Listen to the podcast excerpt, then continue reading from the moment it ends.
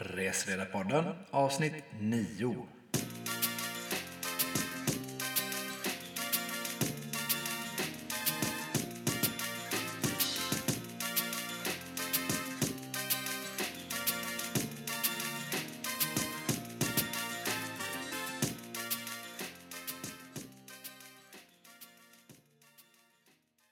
Hej och välkomna tillbaka till Reseledarpodden avsnitt 9.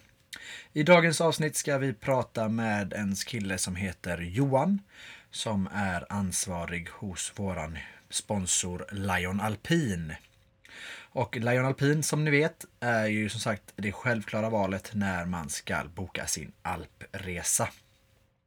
I dagens program kommer vi få höra väldigt mycket mer om Alperna då Johan är en riktig specialist på detta.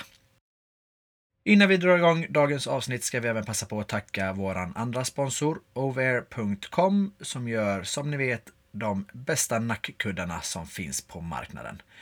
Eh, du styr själv hur tjock och hur hård den ska vara genom en enkel inandning, eller en liten inblåsning. Och eh, sedan täcker man för huvudet i en oversize huva så att du kan ligga i lugn och ro och sova på antingen flyget, bussen eller när du pendlar till ditt jobb eller liknande. Självklart ska man även ha det när man är ute och reser. Så ett stort tack till våra sponsorer Lion Alpin och Over.com. Eh, som jag sa tidigare, dagens avsnitt handlar om Alperna och eh, vi ska ta oss igenom avsnittet ihop med Johan som är ansvarig på Lion Alpin. Häng med!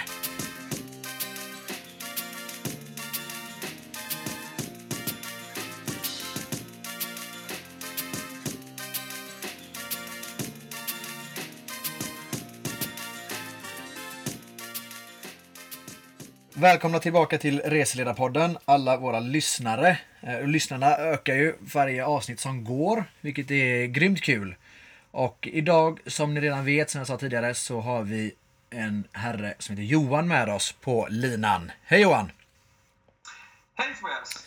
Hej! Tack för att du får vara med. Ja, tack för att du vill vara med och tack för att ni är med och gör den här podden möjlig.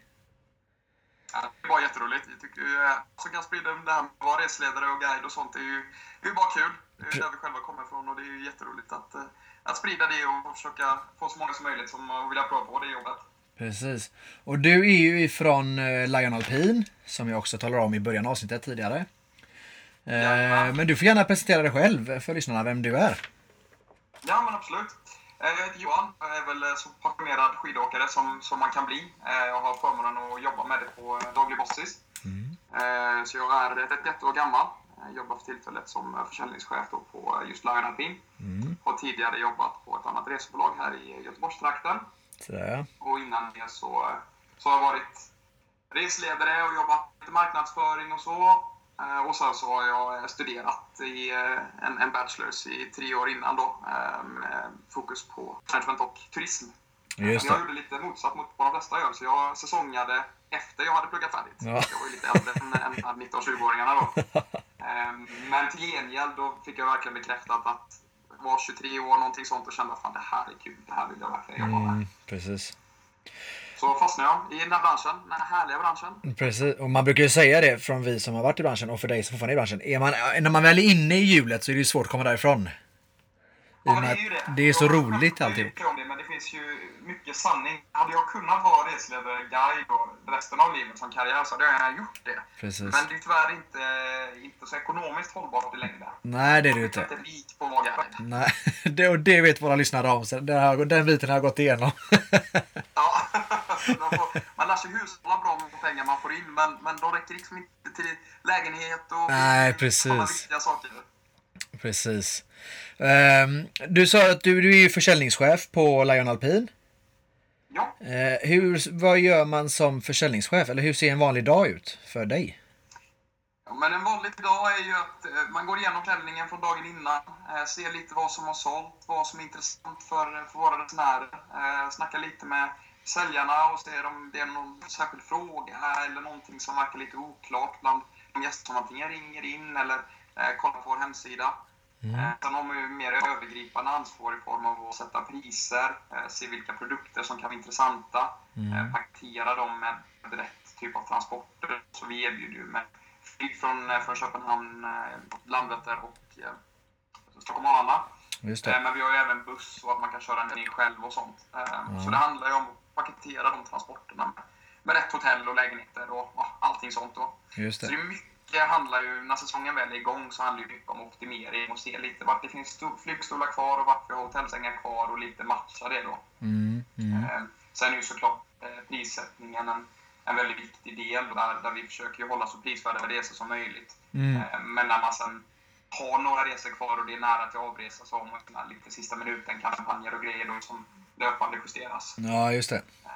Ja, så att man sitter, ja, men en dag, vanlig dag kan vara alltifrån att sitta i, i möten med våra kollegor då i Danmark, eh, det är en stor dansk koncern, ehm, till att eh, egentligen hänga med, med säljare och lyssna lite på hur samtalen går och själv Mm. prata mycket direkt med ST. Jag säljer själv en, en hel del resor också då. Mm, just det. Så det är väldigt kul och, och varierat. Och sen Mm. den enorma fördelen att jag eh, regelbundet åker ner till Alperna då för att se efter produkterna och, och se så att allting fungerar. Och, eh, lite sånt. Det är såklart en, en väldigt stor bonus. Ja, eh, man precis. älskar Alperna och får kunna åka under arbetstid. Mm, ja, det förstår jag verkligen. Det är hos er man ska söka jobb med andra ord. ja, men precis. Nej, men så är det ju. Sen, eh, så alla, alla våra säljare egentligen, de åker ju ner minst en gång per år på Mm. en studieresa. Just För det. även om du har varit i till exempel Badgastein eh, tio gånger så är det ändå skönt att åka ner där i början av säsongen och få en liten uppfriskare. Ja, men visst är det så. även åka ner senare under säsongen. Mm. Men det är ju väldigt viktigt att man vet vad man säljer. Ja, men så, det Framförallt är ju A och O ju. det här där det är så många som... Vi har väldigt många resenärer som kanske har åkt någon gång i Alperna men åker mycket i fjällen och så. Och det är klart, Alperna kan ju vara en, en gigant att tänka på. Man vet ju Mm. inte vilken ort som är rätt. Hur ska man bo? Hur tar man sig ner? Och allting sånt. Och, ehm, och då är det ju väldigt, väldigt viktigt för oss att våra säljare har så bra koll som möjligt. Så att Mm. de faktiskt rekommenderar rätt saker. Annars kan det bli väldigt fel. Ja, precis. Ja, men så är det. Så är det. Det minns jag ju själv när jag jobbade i Turkiet framförallt. I början av säsongen så är man ju ute och man åker ut på alla utflykter för att just veta varje moment i allt egentligen. Ja, men precis. precis. Och, man, och man vill ju vara expert när man är där nere. Det är ju jättepinsamt om en gäst kommer fram och ställer en fråga och så inser man att man faktiskt inte kan svara trots att man har varit där i kanske två månader. Ja, precis. Ja, det är ju inte aktuellt. Nej, men precis. Och det vi vill Lulvik i alla lägen är ju när, att till exempel någon på kontoret eh, skulle råka lova någonting eller säga någonting Ja. till en gäst och så kommer man ner på plats och säger det till guiderna och guiderna har ingen aning om det och det finns inte ens på plats. Nej, man kan inte alls göra så.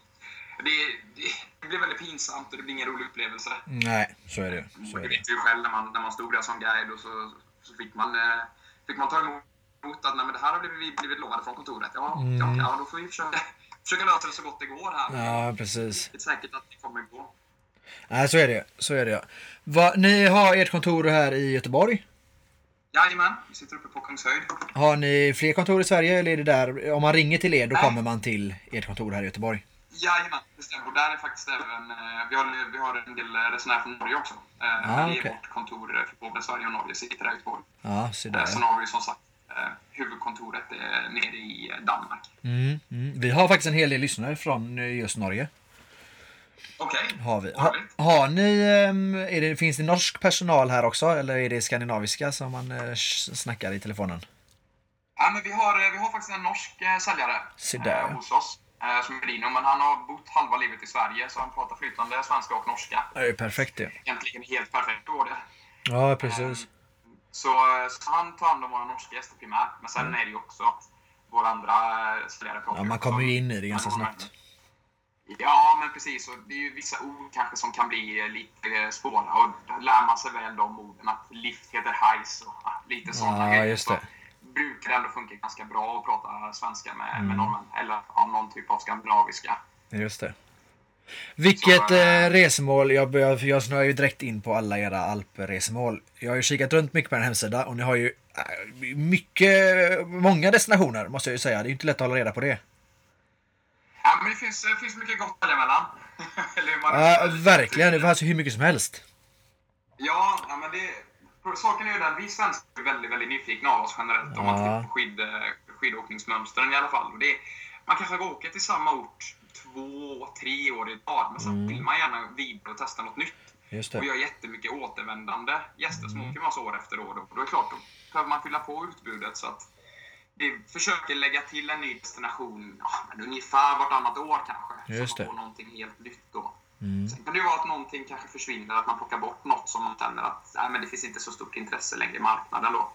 Ehm, Men just det här att, att svenskar vill gärna åka. Åker man väl hela vägen ner till Alperna då vill man ju ha någon ny upplevelse också varje gång. Mm, precis.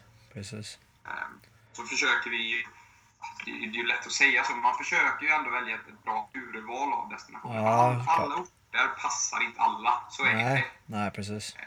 Det är, du åker du ner med, med familj, eh, två, en sexåring och en åttaåring som kanske bara åkt till fjällen innan, så Ja. ska du inte åka till något sånt här off-pist-mecka där det Nej, är precis. bara blanta backar och så. Det, det funkar liksom inte. Det blir, det blir en rolig resa för, för familjen. Ja, precis. Ja, det är klart, det förstår man. Det, och det är också därför man, eh, man ringer till er, misstänker jag. För att få svar på alla de här Ja, frågorna. men förhopp- förhoppningsvis så ringer man till oss för att få lite, lite guidning. Ja, Eh, många ringer ju in och de vet ju exakt vad de vill ha. De Ja, det "Jag kan jag tänka mig. Den här veckan, den här orten, det här hotellet. Kör. ja, precis. Vilken är den mest, vilken är årets eh, mest bokade destination? Har du koll på det? Ja, i år är det faktiskt Salbach för vår del. Ja, Ehm, och det är för att vi gick faktiskt in här i våras och tog över tre stycken hotell se som vi driver i egen regi nu den här vintern eh, i just Salbach. Ah, okej. Det är riktigt, riktigt kul för det är ort som vi har vuxit år för år för vår del men det är väldigt populärt så det har varit svårt för oss att få tag på nog med, med hotellkontrakt och sängar och så. Ja. Ehm, och sen via en, en väldigt bra kontakt ehm, till nere på plats i Österrike så, så blev vi erbjudna att ta över de här eh, tre hotellen då. Och det tyckte vi var jättespännande. Ja, det Så förstår jag. där har vi ju sålt ja, nästan tre gånger så många gäster som vi någonsin har sålt tidigare. Det är riktigt, riktigt roligt. Det är fantastiskt bra skidort så det är ju välbefogat. Ja, absolut. Se där, där har jag inte varit. Jag har varit, eh, jag var, vad ska jag tänka nu, 2007, 2008 någon där. Då var jag nere i Livigno med Lion Alpin. Se där ja. Ja, Det är det är på, ja herregud, fantastiskt verkligen. Ja, det är en av mina absoluta favoriter. Det är, Ja. Den är så härlig. Ja, det är riktigt bra, verkligen riktigt bra. Och då hade vi en guide som hette Albin, tror jag. Okej. Ja. Men det är som sagt, det är ju ett gäng år sedan. Det var innan jag kom i kontakt med Lion Team första gången. Jag gjorde min första säsong 2009. Ja, okej. Vart jobbade du som, vart jobbade du som guide då? Eller vart Jag var var du? i Canacei i Italien. Ja, Det ligger i Dolomiterna. Det är ju världens största skidområde. Så det är ju det. vad är det, 1230 kilometer pist ungefär. Eh, så det, är- det är ju, vad är det, det är 11 gånger så stort som Åre. Ja. 12 gånger så stort nästan. ja, Så att, ja, det räcker ju till om man säger så. Mm. Eh, där hade de faktiskt en jäkligt rolig grej med, sitt, med ens liftkort. Så att varje gång du passerade en, en sån här eh, spärr då, ja. så registrerade ditt liftkort så kunde du logga in på en hemsida och kolla vad, hur mycket du hade åkt, hur många kilometer pist då, för de räknade ju ja, se med de här liftarna.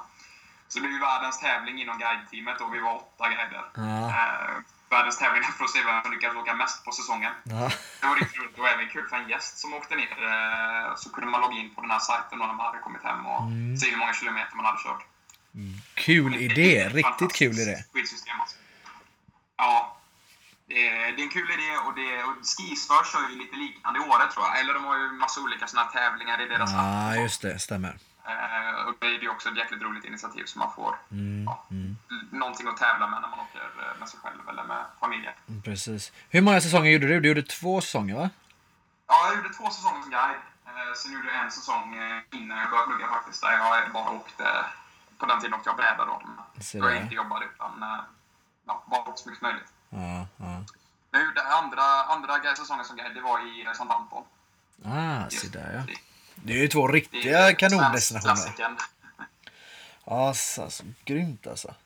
Vad, när man jobbar som guide i Alperna, jag vet ju, eller så jag vet ju när vi jobbar ju i, på sommardestinationer så har man ju en del grejer. Jag vet ni har ju också transfer och allt det här.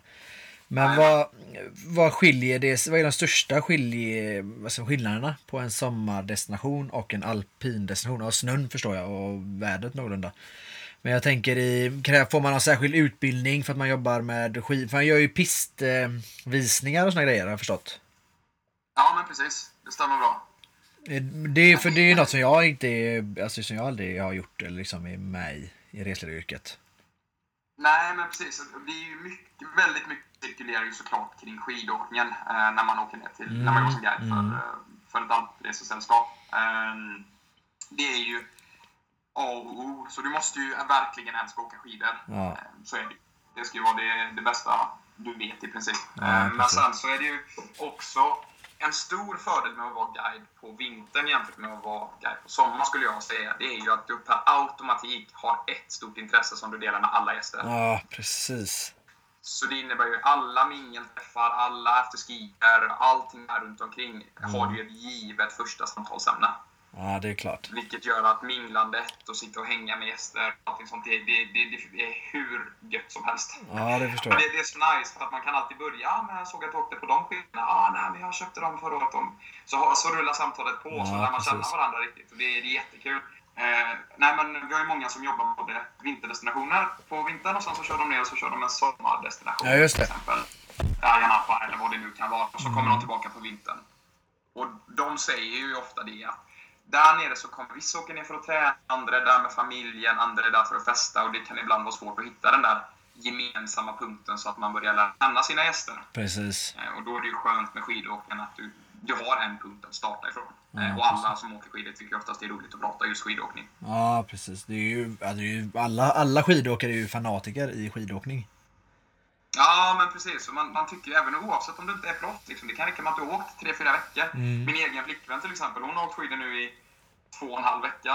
Ja. Och nu när vintern börjar närma sig och vi gör en resa bokad så kan ju inte hon sluta prata om det. Ja, men behöver jag inte köpa nya skidor nu? Är det, ska jag ta Ja. uh, pjäxor nya? Uh, de bara, "Nej, men du kan lära dig åka lite bättre först kanske innan vi ska Ja, precis. Och i och med att hon är, gång." i och med att hon är tillsammans med dig eh, så är hon ju illa tvungen att åka skidor också misstänker jag. Ja, på och hon var vinterhalvåret. väldigt nervös då inför första resan ner till Alperna. Ja. Det, det får man väl säga. Så hon trodde ju att förhållandet hängde på det här. Och riktigt så illa var det såklart inte. Men hon förstod ju att det var väldigt viktigt. Ja, Eh, precis. Som tur var så älskade hon det. Och eh, nu har vi åkt som sagt, ja nu blir det fjärde veckan då tillsammans. eh, Så vi Ja, åker här i januari i år. Vart, vart, vilket eh, fjäll, eller fjäll, vilken alpby åker ni till nu? Vi ska faktiskt till Salba. Salba, så där ja. Eran stor Jajamän. favorit. Ska ner och testa på eh, ordentligt. Och Mm. våra egna hotell där. Så roligt. Eh, Så det är roligt. Så vi har hittills... eh, Hon har ju börjat sin skidkarriär ganska bra. Hon åkte en vecka i Val Thorens i Frankrike, så hon åkte en vecka i Livigno. Ja. Eh, Hon åkte en vecka, eller en halv vecka i Chamonix och en halv vecka upp bredvid Chamonix. Och så åker vi till Sandbach nu då. Ja, det är en Hon- hyfsad hon start på liksom ingen skidkarriären. aning Ja. om hur fjällen ser ut. Hon vet inte vad det är. Hon Du, du får aldrig ta med henne till fjällen, det hör jag. Ja, men det blir svårt att försöka sälja in att vi ska åka till Sälen nu känner jag. Så att vi får väl hålla oss i allt. Vi får fortsätta jobba med det här i all evighet. Ja, precis. Du kommer inte undan det nu. Nej, nej, men det blir väl så.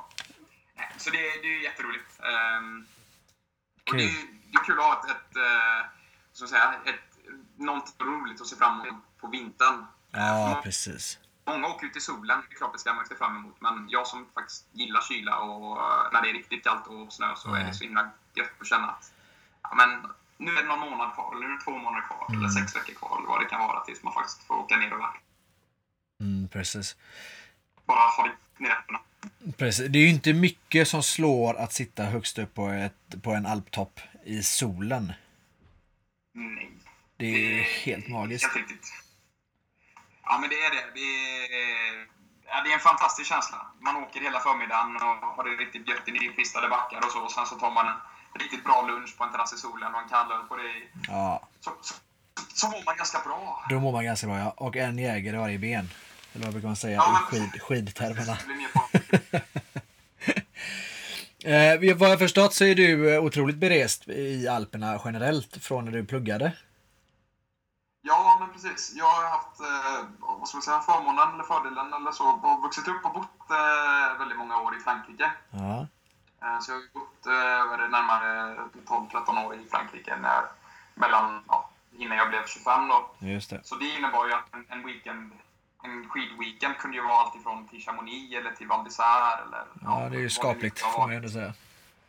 Ja, så det, det, det, det är väldigt fuskigt i det perspektivet. Mm. Eh, Så vi, och jag som gillar att upptäcka mycket nytt så åkte ju runt i så många olika orter som möjligt. Framförallt när man fick körkort så var det ju jäkligt gött att åka iväg på helger. Eh, Sen hade mina föräldrar en, eh, eller har en, en lägenhet uppe i en liten alpstuga, eh, eller en liten alport eh, som jag har kunnat få låna genom åren. Se där. Så att när jag pluggade i, i England, då gick stora delar av mina studiemedel som jag sparade på sommarjobbet som jag jobbade på var att boka flygbiljetter. Ja, för att kunna åka Eh, skidor. För att kunna ta mig ner. Så jag flög från Nottingham då, där jag pluggade till Genève ja, vad kan det vara, säg 8 av 12 helger under vintern. Ja. Så flög jag ner eh, fredag, så hämtade mamma mig på flygplatsen och så åkte jag skidor lördag, söndag, ibland måndag och så flög jag hem igen då. Så jag missade liksom allt det där festandet. Men Ja, det här precis. nettopriset var ungefär detsamma. Ja. De som var ute kunde ju lätt bränna 1500 spänn på Ja, då en precis. fredag, lördag. Medan det var min flygbiljett kostade 1000 spänn ungefär. Ja. Sen så hade jag ju ett säsongslivskort som jag önskade mig i julklapp. Så det var ju, det var ju väldigt trevligt. ja, det förstår jag. Verkligen. Hur många, hur många olika alpdestinationer har du besökt? Har du någon koll på det? Alltså jag önskar ju att jag hade bokfört det här på något smidigt sätt. Men det är någonstans runt 40 stycken ska jag gissa på. Fördelat då på eh, Frankrike, Italien och Österrike. Ja. Alltså det måste ju vara, det måste ju vara topp, måste vara i toppen av eh, alpbesökare för svenskar. Ja det, ja, det vet jag inte, men ja, det är väl ganska högt där uppe kanske. Jag, jag vet faktiskt inte, jag har inte ens reflekterat så mycket över om jag ska vara helt ärlig. Ja, det förstår Jag är mig väldigt tacksam att jag har haft de möjligheterna. Ja. Men det gör ju också att, att vår, vår inköpare, som, som är ansvarig för alla inköp med hotell och hitta Ja. nya orter och allting sånt, han, han kan inte trött på mig för jag bara bombarderar honom med olika Ja, det är klart. Jag har i vårt utbud och det till. Och, ah, men det här måste vi ha, det här måste vi ha, det här måste vi ha. Ja.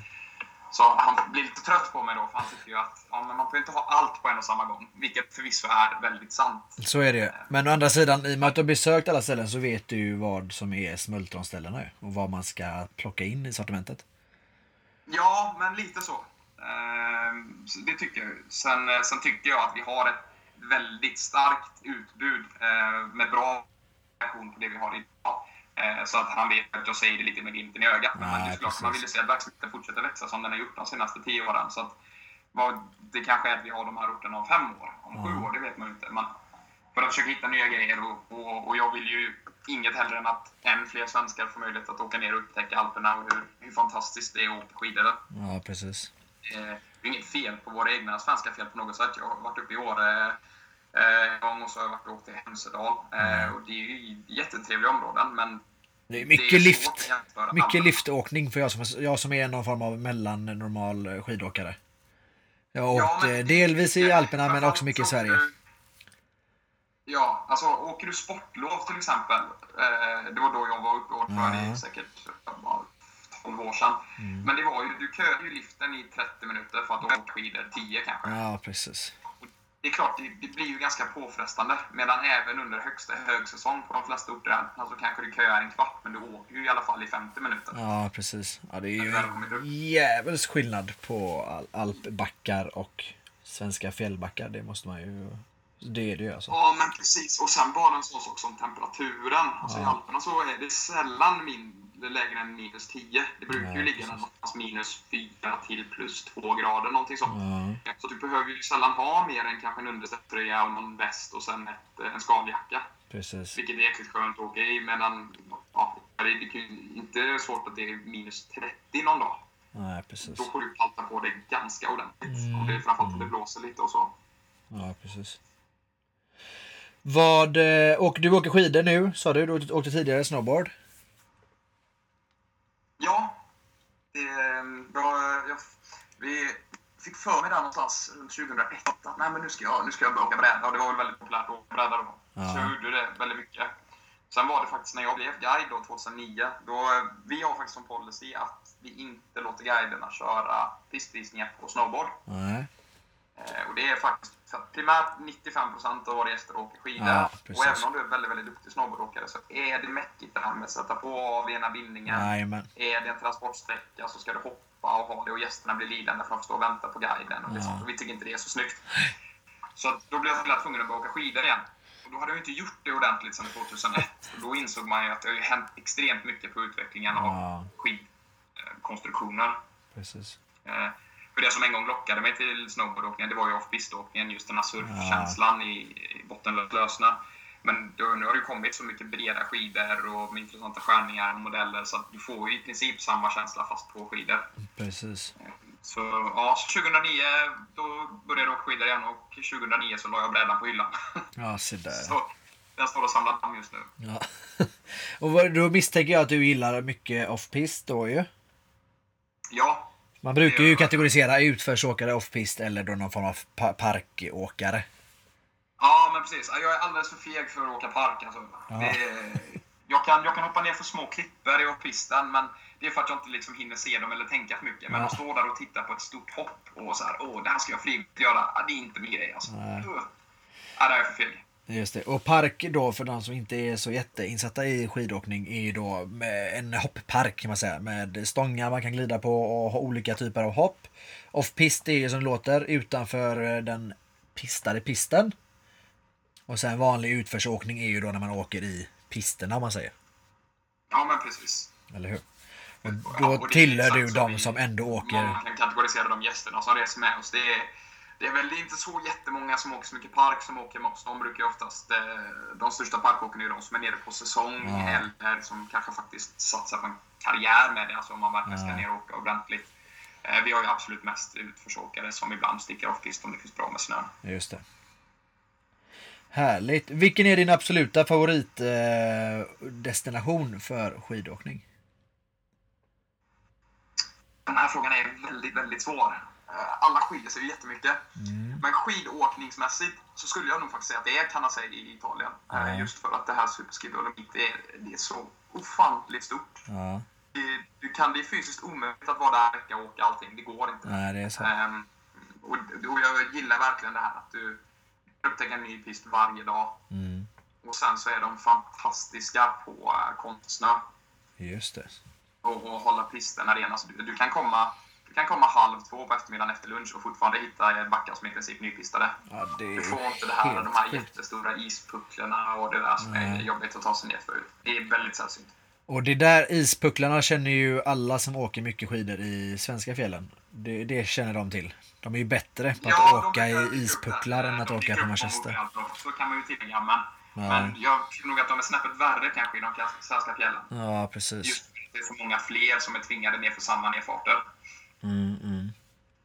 Vad- när man reser till Alperna. Skidåkningsmässigt är det fantastiskt. Men eh, byn i sig väldigt mysig, men den är väldigt lugn.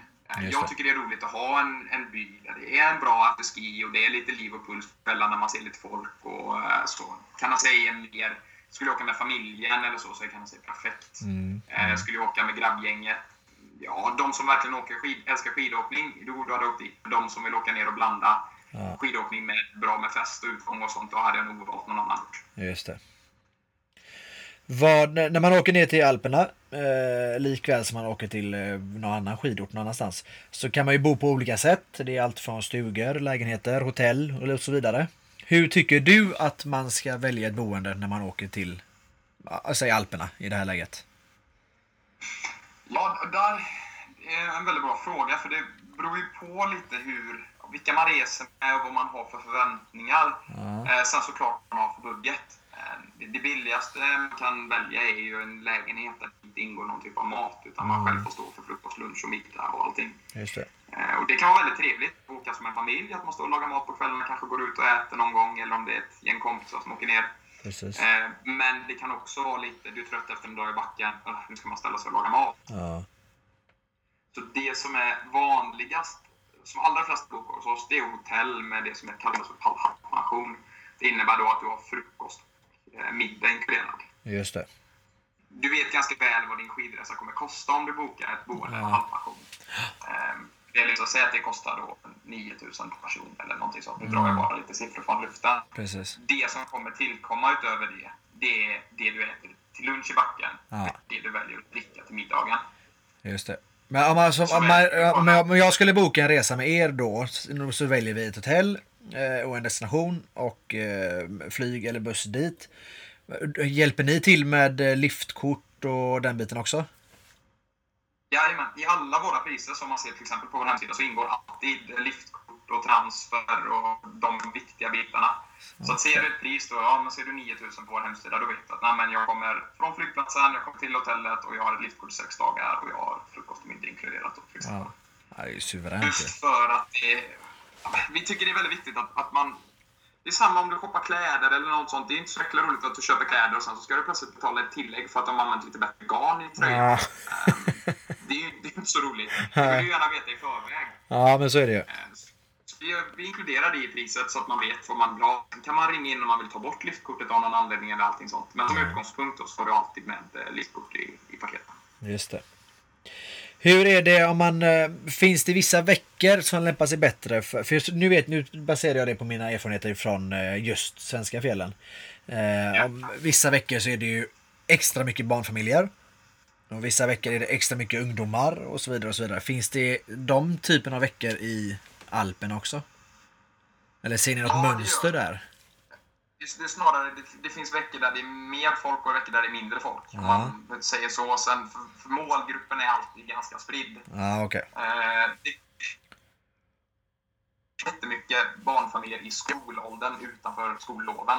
Är Eh, klart. Sen har du ju såklart du har ju väldigt lokala österrikare och lokala italienare sånt som åker upp eh, och, och åker skidor som har lite andra lov än vi har. Ja, Eh, Men generellt så är det ganska snarlikt. Under februari månad så har de flesta europeiska länder något form av skollov där man kan åka skidor. ja, Eh, Runt jul och nyår är de allra flesta lediga. Eh, Även påsken är sånt. Så att, det är klart, du, har man barn och som går i skolan så är man ju tvungen och låst att åka till sportloven. Ja, Eh, Men är man mer flexibel åka mot slutet av januari, mitten av slutet av januari. Eh, precis. För det, det har hunnit vara riktigt kallt under ett par månader. Det är mindre folk och det är precis innan högsäsongen smäller på. Så att det är ändå, alla säsongerna är på plats och man märker att hotellen har bra rutin och Ja. allt funkar nere på orterna. Eh, Men du kommer precis innan det smäller på då, så att det är inte mycket folk och lift, inga liftköer och så. Hur lång, är en, eh, hur lång är säsongen som guide nere i Alperna? Eller Den alltså, börjar- det är väl lite olika kan jag tänka mig. Men... Ja, det varierar ju från destination till destination. Eh, Men för de allra flesta så börjar den eh, nu. eh, Blir det väl, eller under förra veckan började den, när Ja. vi har vår guideutbildning som är på tre veckor nere på plats i Österrike. Ja, Eh, Så då får de eh, gå igenom tillsammans med vår guidechef och massa annan personal då, ja, vad man förväntas göra som guide och Ja. hur en dag ser ut. Och alla de kunskaper man behöver ha egentligen när man är ute. just det. Och sen så åker man ut till sina orter. På vissa orter är det ju nästan två veckor innan gästerna kommer. På vissa är det tre veckor. Mm. Eh, Men du har i vart fall eh, två veckor som du kan lära dig orientera dig på orten och lära Mm. känna viktiga samarbetspartners och hitta i skidsystemet. Just det. Och sen så pågår säsongen. I år blir det i alla fall till, vecka, till och med vecka 13 då. Som man får med början av påsk. Så det blir, vad blir det? Fyra månader ungefär. Fyra månader. Ja, just det. Ja. Se där ja, se där ja. Och som reseledare i, på en alpprestation, det är ju det som jag, det har jag sagt tidigare på också, att det är det jag ångrar mest, att jag inte åkte ut som skidguide. Men, och hur ser ett, eh, eller hur ser en, eh, hur ser ett sån arbetsdag ut? Eller vad gör man som skidguide? Ja, den, det är en väldigt intensiv dag, kan jag tillägga. Mm. Så man måste ju, ska man, det är i och för sig läge för alla reseledarjobb, det är ju att du måste att jobba väldigt mycket. Mm, ja, så är det. Man har ju jätteroligt jobb, men man jobbar ju mycket, det vet ju du från din tid. Precis. Eh, men man börjar på morgonen, eh, då har du oftast någon form av hotellträff. Eh, Så man slänger i sig frukost och så tar man sig till det hotellet. Får de frukost, kolla läget, se om de behöver hjälp med något eller ja, några frågor. Försöker få med så många som möjligt på pistvisningen. Eh, se om de, så att de verkligen hittar i systemet. Och det brukar framförallt vara en väldigt trevlig gemenskap på pistvisningarna. Mm. Alla känner lite fler likasinnade och så. Sen så slänger man sig hem, på med skidgrejerna. Eh, och så tar man sig till eh, liften, eller vad nu träffpunkten är för att möta upp gästerna. Eh, pistvisning. Sen har man pistvisning då under hela dagen, äter lunch tillsammans med gästerna, åker på eftermiddagen. Sen är det raka vägen till afterski, Mm. där man är tillsammans med gästerna. Och eh, så brukar man vara där till kanske halv sex, sex. Så hinner man hem, hinner eh, få i sig lite middag. Mm. Och sen så är det antingen pubbrunda eller eh, om det är någon skandinavisk afton eller någonting sånt. Just det. Eller så tar man sig till ett av de andra ställen man är ansvarig då för. För att träffa gästerna som sitter och äter middag. Och kolla så, ja men det har varit en bra dag och se om man kan hjälpa till med något då. Just det. Ehm, och det brukar väl vara till ja, nio tiden på kvällen. Ja. Och efter det så beror det på. Antingen hakar man på om det är något evenemang och hjälper till ens kollegor. Eh, eller om de har bra koll på läget och de är tillräckligt många då så är man ledig från, säg halv tio tiden på kvällen. Just det. Så att det är ju, du har ju, ja, 12 timmars dagar som minimum skulle jag väl säga. Ja. Blandat då Så- med eh, sin största hobby i princip. Ja, men precis. För, för jag tycker alltid så här eh, att att säga att pistvisning i åtta timmar är som att sitta på ett kontor i åtta timmar och jobba eller stå på ett lager i åtta timmar och packa, packa internetordrar. Ja. Det är inte riktigt en rätt jämförelse. Nej. Eh, För att en pistvisning, det enda det är egentligen det är att du åker skidor tillsammans med andra människor och Ja. visar dem systemet, får berätta lite om din egen expertis. Just det. Och sen äter du en bra lunch tillsammans med de här människorna och sen Ja. så fortsätter man åka. Så att, ja, jag skulle väl säga det, det, det är inte riktigt rättvist att säga att det är åtta timmars vanligt jobb. Nej. Men, men visst, det är klart man har ju dåliga dagar också. När man kanske är lite småförkyld eller man är Mm. trött eller kroppen är lite sliten efter att ha skidor nonstop i fem veckor. Mm. Så man är lite, då är det kanske inte heller det roligaste i världen. Men det är ju en del av jobbet någonstans. Ehm, och för de allra flesta så, så är pistvisningen det är ju roliga, det är höjdpunkten på veckan. Ja, precis. Hur eh, gör man eh, transfer precis som på en sommardestination eller? Ja, det gör man. Ehm, så det är väldigt likt eh, den transfer du gjorde i ditt första poddavsnitt. precis. Eh, Det låter, det låter ungefär snarlikt fast man byter då alla sol, solrelaterade saker till eh, snö och vinterrelaterat. Ja, precis. Kunskap om orten. De allra flesta vill veta lite om, om skidor, vad Ja. ska till och vad det finns för toppar och sånt. Även om väldigt många är pålästa sedan innan. Eh, Precis. Sen försöker vi undvika de här som lätt kan bli att man står och liksom pratar nonstop 30 minuter. För det är väldigt få som orkar lyssna på det. Ja, precis. Man försöker hålla någon typ av 10 minuter där med kort viktig information. Ja. Ehm, Så att folk ändå kan sitta och njuta av, av utsikten och, och kanske sova lite på bussen eller vad man nu vill göra. Ja, precis. Du sa även att ni även har, för då flyger man ju till någon närliggande flygplats och sen är busstransfer. Precis som en Precis. vanlig charterresa till Spanien eller Turkiet eller liknande. Men ni har även bussresor ner. Det har vi. Är, är man, har, man, är man, har man guide med på dem också? Inte längre. Nej? Det slutade vi med för, det är nog nästan 10 år sedan. Ja, det är så pass. Ehm, Det har, det har ju stadigt minskat. Eh, Det är att för 10 år sedan så var ungefär eh, 60-70% av våra gäster bussresenärer. Ja. Eh, idag är den siffran knappt 10 procent. Ah, okej. snarare 7 procent. Så det, det är färre och färre. Ja. Men det är ett, ett bra alternativ. Delvis för de som är riktiga entusiaster. Ja. För att du kommer ner tidigt lördag morgon. Du åker hem nästkommande lördag kväll. Vilket innebär att du kan faktiskt åka skidor i åtta hela dagar. Just det. Eh, så det är väldigt, väldigt bra. Mm. Sen är, sen är det ju billigare än att flyga. Ja. Förr var det ju betydligt större prisskillnad mellan att flyga och åka buss. Idag Ja. kan det vissa veckor skilja sig lite som en tusenlapp. Okej. Eh, Och det är också därför såklart flyg har blivit mer och mer populärt för de som kanske inte eh, behöver åka med åtta dagar utan hellre kör på bekvämligheten. Mm. Eh, Och, och med vissa, vi har många passionerade gäster som åker med oss år efter år och de gillar verkligen den här bussresan. Tycker det är jättekul. De åker ner och får lära känna nya människor, hitta nya de kan åka med under veckan Ja. och de får maximera sin tid nere i Alperna. Ja, det är lite spritt det där, men, men visst, vi, vi märker ju att vi får ju färre och färre resenärer som önskar åka med buss eh, för varje år som går. Mm. Eh, Så man får ju se om det är något som kommer finnas kvar om fem år. Eller, vi får se hur marknaden utvecklas helt enkelt. Precis. Eh, Men än så länge så har vi kvar det. Du sa även också där att man som guide är med på afterskin. Och där har jag en fråga. Ja. Får man då som guide dricka öl på afterskin? Ja, det får man. Eh, Men det är ju som, som med allt egentligen med guidejobbet så är det väldigt mycket frihet under ansvar. Ja, det förstår man ju. Och det är ju verkligen, man, vi som arbetsgivare och, och som de platscheferna som är nere litar ju på att deras guider kan hålla det på en nivå. Ja, Så att man dricker kanske två öl. Och Ja, med gästerna. det är ju mest för det sociala egen- egentligen då. Vad sa du? Det är ju för den sociala biten egentligen så att man har möjlighet att... Ja, men precis. För det, det kan ju ofta faktiskt bli så här, men säg att det är ett, ett kompisgäng som varit ute och åkt och så vill de bjuda guiden på en öl. Ja, Då är det snarare negativt om guiden bara, nej, men jag tar en cola istället. Ja, precis. Eh, Det är lite, just afterski-kulturen nere i framförallt Österrike är ju väldigt, man tar en öl efter dagens skidåkning. Ja. Så är det. Precis. Ehm, Och, eh, så vi tycker det är en viktig del att så länge man själv känner att man klarar av det och, och, och framförallt gillar att dricka öl så, så Ja. får man ju in med måtta. Precis. Jag hör mer och mer, det här är ju mer och mer ett jobb för mig, det hör jag ju verkligen. Men det är inte du. det är inte det va? Hur eh, har ni anställt eh, guider till era destinationer nu eller söker ni folk just nu eller hur ser det ut? Nej, alla är faktiskt eh, färdiganställda. Eh, Ja. Så de är nere på plats just nu eh, i Österrike och går igenom utbildningen. Ja, just det. Och för de som då lyssnar som kanske vill jobba som skidguider, vilken, när söker man sånt här?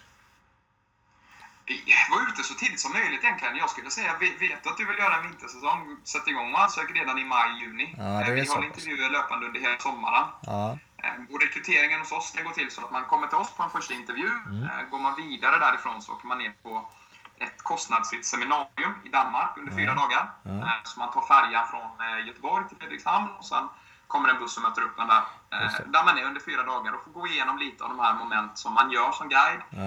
Man får möjlighet att lära känna de andra. Och vi får utsätta en för lite testpress och se hur de olika kandidaterna hanterar uppgifter helt enkelt. precis. Och sen kommer man vidare därifrån då, då är du erbjuden ett jobb Ja, eh, på en ort. Och sen så åker man ner då, eh, ja, men slutet av november då, eh, till Alperna för att gå igenom den här tre veckors utbildningen. Och sen åker man ut på sin ort då. Härligt, härligt, härligt, härligt.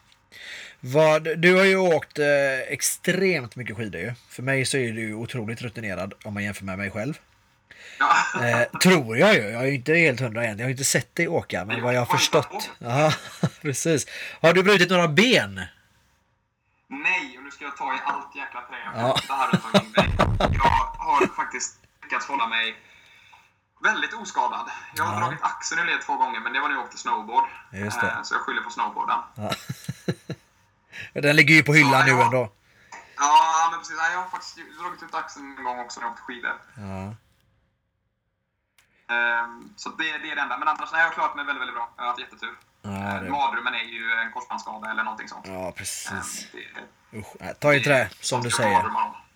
Hur viktigt är det med eh, skidoutfit? För jag tillhör ju de som åker inte riktigt hela dagen. Men jag ser ju grymt proffsig ut i backen. Ja, det, det, där, det, alltså det roliga med det där, jag skulle säga att det är ett svenskt fenomen det där. Ja, det är så pass. Ja, men för vi, vi, vi har ju som sagt våra kollegor i Danmark och det Ja. är klart att man pikar varandra och vi svenskar tycker det är lite roligt att retas lite med danskar Ja. och skidåkning och danskar i backen och allt det där. Eh, men skidåkning har ju inte varit populär lika länge i Danmark som i Sverige. Så Nej. det utvecklades ju och växte väldigt, väldigt mycket. Det var ju extremt många gäster från Danmark på de danska Ja. systerbolagen. Just det. Men det som jag alltid brukar säga är den stora skillnaden, det är att en dansk åker på skidsemester. De åker ner, de köper liksom utrustning som funkar och de är där för att åka skidor. Det spelar ingen roll om de, går upp, om de kommer med liften vid 10, slutar vid 3. Liksom. De är där för att umgås med familjen eller vännerna och ha det gött. Ja, precis. Svenskar åker generellt ner till Alperna för att åka skidor. Ja, Det är så mycket som möjligt. Det är liftöppning, ska åka hela dagen, äta gärna sen lunch, men det maximerar förmiddagen och ska åka till träning. Generaliserar såklart väldigt grovt här. ja, Ehm, och svenskarna också. Det ska, det ska vara rätt kit. Det ska se bra ut. Ja. Gärna vara från typ Ahlgrens eller Peak Performance. Gärna av våra skandinaviska märken.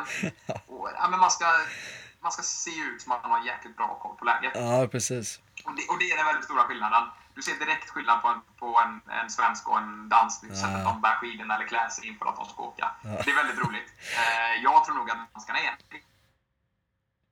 roligare. Just för att de är lite mer laid back och ja, det gör inget. Nej, precis. sig.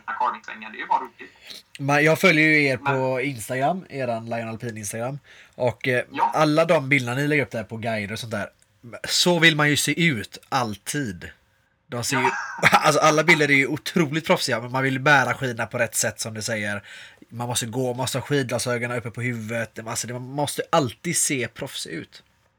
Ja, men och så är det. Det är jätteviktigt. Alltså det, för det är så lätt hänt eh, att man bara liksom låter det vara. Låter jackfickorna vara öppna. Och man har slängt på gogglesen lite, man är lite trött på morgonen. Och så här, och det ser inte trevligt ut. Inte, jag, jag skulle personligen som gäst inte känna oh, den här killen eller tjejen har jäkligt bra koll på läget. Nej, precis.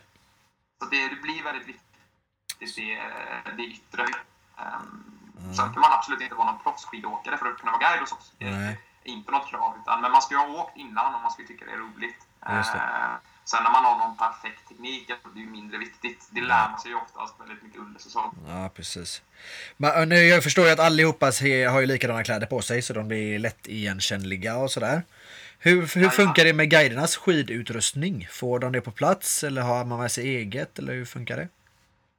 Ja, du får faktiskt, man får med sig eget. Ja. Eh, och anledningen är att alla är olika med vad de vill ha för typ av skidor Ja. och vilka pjäxor som passar och allting. Så det är inte realistiskt egentligen att, att vi ska hjälpa dem att stå för det. För oftast kommer det bara bli fel. Ja, så att man får själv stå för det. Sen har man ju oftast samarbeten med till exempel skiduthyrningen nere på ort. Att man antingen kan få låna under säsongen Ja. eller få hyra väldigt, väldigt billigt för Ja. hela säsongen.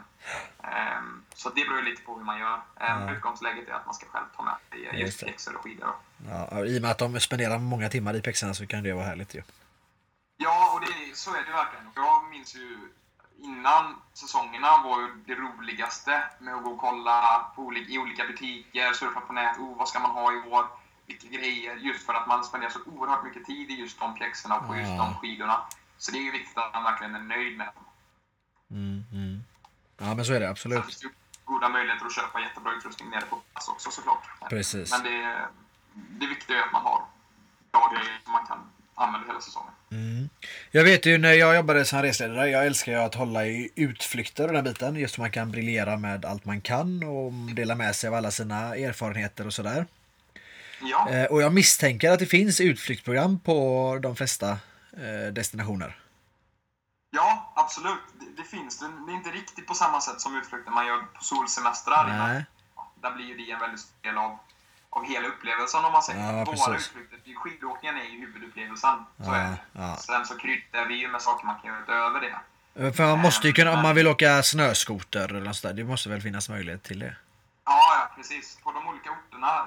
Programmet varierar ju från ort till ort. Ja. Men guiderna ser ju till så att det utbud som finns på orten försöker vi ju erbjuda. Ja. Sen har man ju vissa produkter som man vet alltid funkar. Ja, Till exempel en kälkkanton där man åker kälken ner för en backe på natten. Ja. Fjälltåg och lite sånt. Eh, det funkar alltid och det försöker man alltid erbjuda. Sen på vissa ställen som du säger kan man ha snöskoter.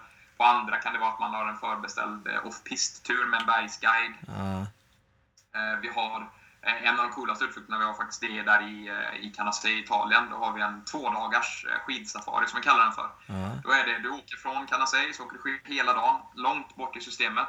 Så Mm. övernattar du på vad är det, 2700 meters höjd. Där ligger en, en ensam, ensam byggnad, byggnad, en Jäklar. ensam byggnad. Eh, som är ett eh, enkelt bed and breakfast-hotell. Som ligger helt själv där uppe. Eh, så man kommer upp med liften och så äter man en god middag, ser solen gå ner över bergen.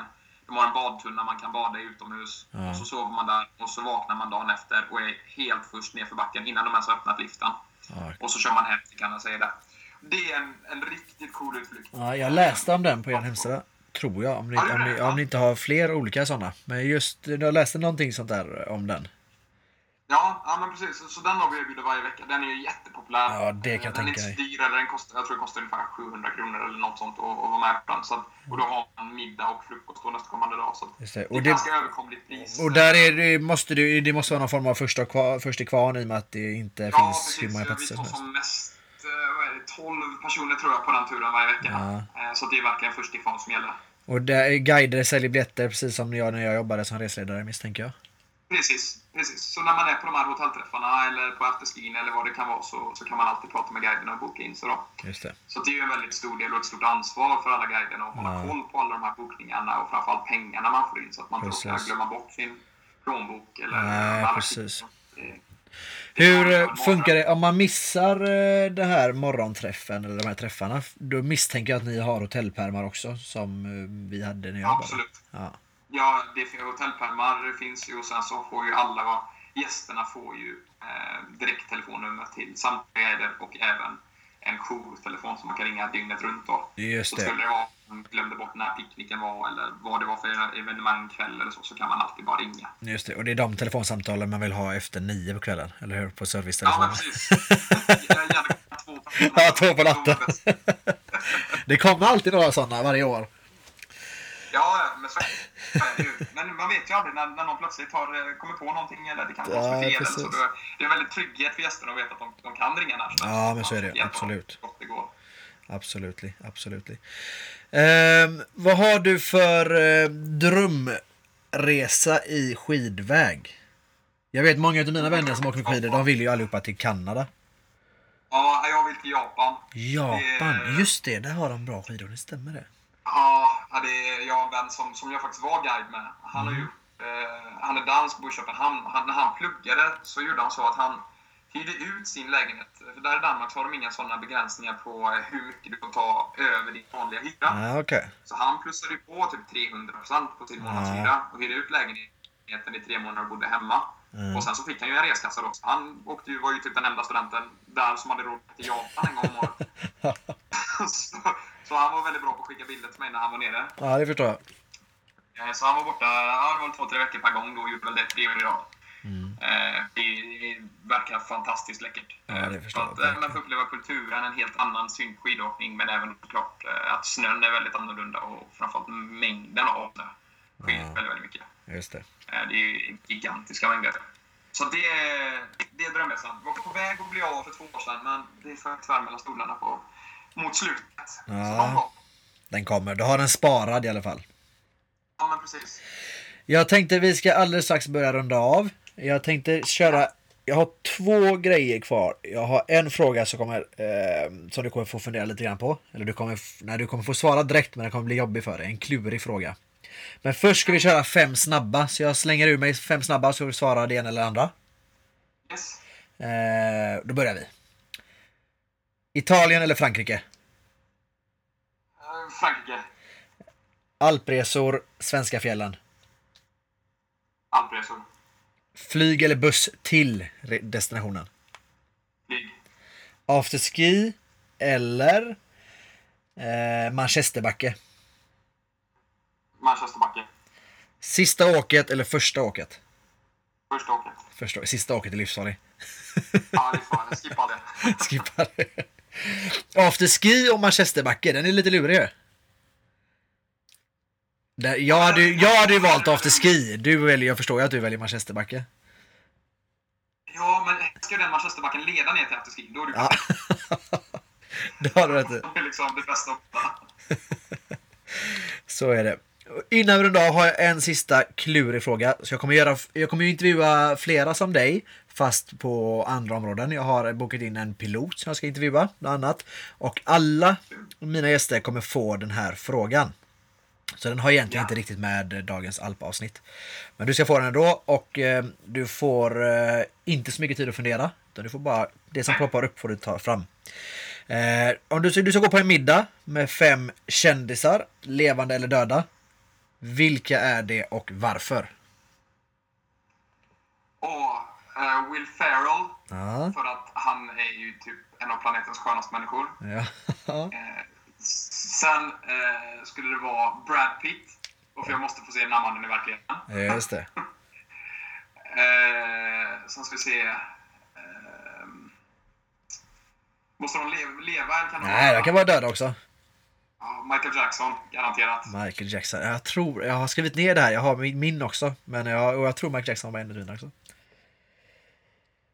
Ja, han vill man ju träffa alltså. Ja, Eh, Bill Gates. Bill Gates. Och... Varför Bill Gates? Vad ska du prata om med Bill Ja, jag Gates? glömde säga. Bill Gates är bara mäktigt.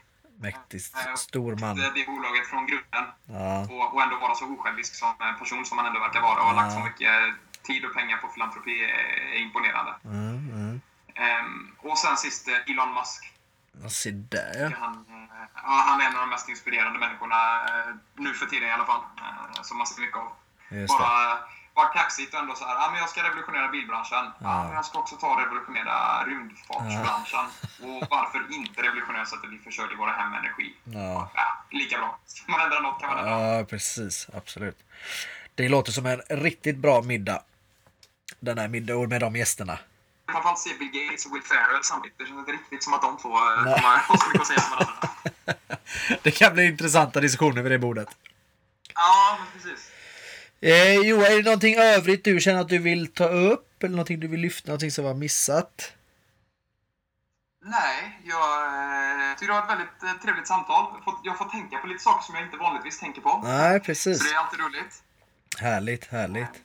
Sen, eh, nej, sen hoppas jag att, att helt enkelt som älskar skidåkning får en möjlighet att, eh, att uppleva Alperna om man inte har haft den chansen. Det, är- det är väl värt det, oavsett om man åker med oss eller om man åker ner själv eller hur man gör.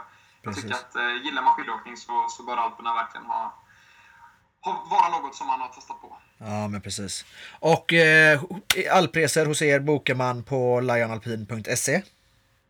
Jajamän. Och det finns ju mängder med destinationer och eh, för alla möjliga typer av resesällskap, åldrar, barn, familjer och så vidare.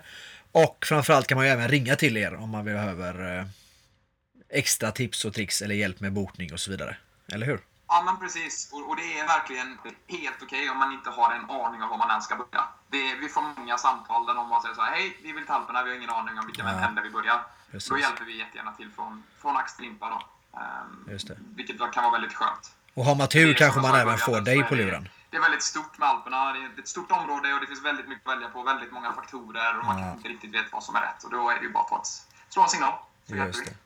Härligt. Och telefonuppgifter och allting hittar man på lionalpin.se. Johan, stort tack!